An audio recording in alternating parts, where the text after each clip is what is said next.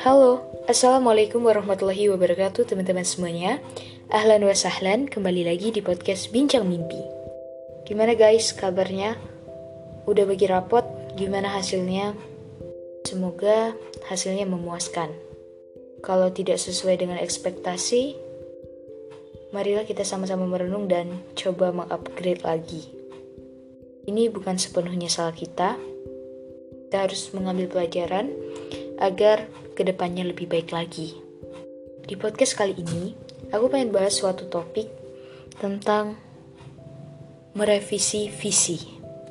Seperti yang kita tahu, hidup ini harus punya visi yang jelas, harus punya goals yang besar, harus punya tujuan yang nyata, dan untuk membangun visi itu, kita perlu langkah-langkah, kita perlu menjejak etape untuk mencapai visi-visi kita melalui misi.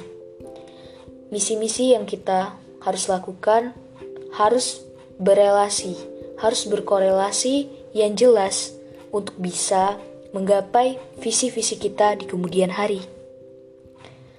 Kenapa aku beri judul merevisi visi? Artinya memperbaiki lagi nih visi kehidupan kita yang sebenarnya, agar hidup kita itu tidak sia-sia. Agar selama kita hidup di muka bumi ini bisa terus memberikan dan menebarkan kebermanfaatan bagi sesama, dan terus menginspirasi dan memberikan sinergi positif bagi kehidupan kita. Pertama, kita harus tahu dulu nih tujuan kita, goals kita sebagai umat muslim, sebagai umat beragama, Pastinya kita tidak hanya mau hidup enak kan? Kita juga mau mati enak. Pengen gak sih ketika nanti malaikat datang kita lagi baca Quran? Pengen gak sih ketika nanti malaikat datang kita sedang sujud? Kita mati dalam keadaan husnul khotimah. Itu adalah cita-cita setiap muslim. Dan kalimat terakhir yang terucapkan oleh lisan kita nanti tidak lain dan tidak bukan adalah La ilaha illallah. Dan Rasulullah Shallallahu Alaihi Wasallam bersabda bahwa apabila seorang hamba yang kata-kata terakhirnya adalah La ilaha illallah, maka dia dijamin surga. Dari itu, menurut aku, goals yang paling besar, visi yang paling besar bagi kita adalah masuk surga. Dan untuk mati dalam keadaan husnul khotimah juga masuk surga itu tidak bisa dilakukan dengan hanya berleha-leha, dengan mengerjakan sholat seadanya, tidak menyempurnakan wudhu, tidak khusyuk dalam sholatnya. Itu tidak bisa semudah itu untuk masuk surga, bukan? Maka dari itu, untuk menggapai visi kita yaitu surga, kita harus melakukan misi-misi untuk menggapainya. Teruslah improve ibadah kita dengan menambahkan dari yang wajib tambahkan ke sunnah. Dari yang awalnya kalau sholat mikirin apa-apa sekarang lebih khusyuk lagi sholatnya.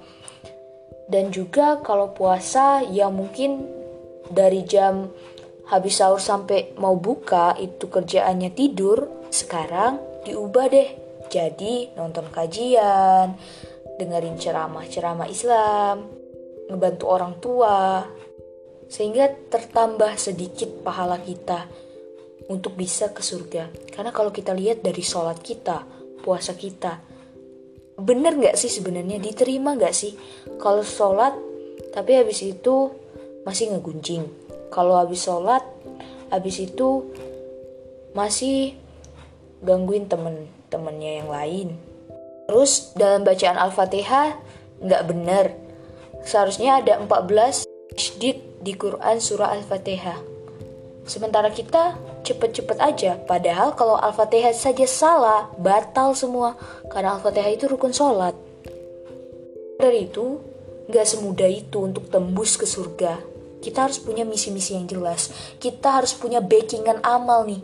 Setidaknya kalau kita bisa menyempurnakan amalan-amalan wajib kita itu dengan takwa, dengan ngebroadcasting berbagai kajian-kajian Islam, dengan buat podcast, dengan nulis blog, dengan buat apa pun itu. Yang penting bisa misi-misi kita itu bisa menyampaikan kita ke visi utama kita. Misi yang kedua adalah menebarkan kebermanfaatan. Jadi hamba yang dicintai oleh Allah dan menjadi umat yang layak dibanggakan oleh Rasulnya. Itu kata-kata yang membuat aku semakin termotivasi untuk melakukan hal-hal terbaik di bidang aku. Membuat kita semakin produktif, membuat kita semakin terus ingin berkontribusi nih untuk kemaslahatan umat. Nah, dengan visi menebarkan kebermanfaatan, sebenarnya ini juga termasuk dalam misi besar kita untuk tadi ke surga, untuk visi yang pertama tadi. Tapi aku golongkan ini sebagai visi yang baru karena banyak sekali dikotomi dikotomi yang lainnya yang perlu kita jabarkan dengan maksud menebarkan kebermanfaatan ini sehingga menebarkan kebermanfaatan ini punya banyak misi-misi lain. Jadi itu alasan kenapa aku menggolongkan visi ini. Teman-teman, kalau kita udah punya nih visi akhirat, hidup kita tuh kayak lempeng aja. Karena aku dulu juga nggak punya visi akhirat. Ya, aku ini kayak orang-orang pada umumnya yang ya hidup ya cuman ikut alur. Aku suka banget nih dengan kutipan gini. Oke, kita hidup ikut alur, kita hidup ikut arus kehidupan.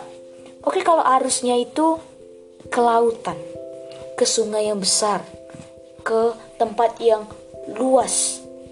Tapi gimana kalau arus itu ngikutnya ke comberan, ke empang, perlu dipertanyakan. Maka dari itu teman-teman, dengan membangun visi yang besar, dengan merevisi lagi, hidup kita itu bakal tenang. Kalau visi kita sudah surga, visi kita sudah mengejar ridho Allah, maka rest assured gitu loh. Udah, fix, aman, tentram. Ketika kita mengejar surga, maka dunia ini akan ikut. Ingat konsep bahwa dunia itu kayak bayangan, Semakin dikejar, dia semakin lari. Semakin kita berbalik, dia yang ngejar kita. Maka dari itu, ada suatu perkataan ulama yang benar-benar jelek banget sih. Kalau kau kejar akhirat, dunia akan ikut. Kalau kau kejar dunia, akhirat akan luput. Maka dari itu, marilah kita sama-sama membangun visi yang besar. Visi yang bukan hanya sekadar visi kehidupan dunia, tapi kehidupan di luar alam kemanusiawian, yaitu alam apa? Akhirat. Karena kalau kita sudah menetapkan visi seperti itu, teman-teman, udah seperti yang aku bilang sebelumnya, udah mudah pasti hidup, insya Allah, insya Allah, insya Allah. Karena yang jamin bukan aku, yang jamin bukan orang lain, yang jamin bukan manusia-manusia biasa, tapi yang jamin adalah Rasulullah adalah Allah langsung melalui risalah Rasulnya Shallallahu Alaihi Wasallam. Maka dari itu, yuk kita bangun visi surga. Barakallahu fiqh. Wassalamualaikum warahmatullahi wabarakatuh.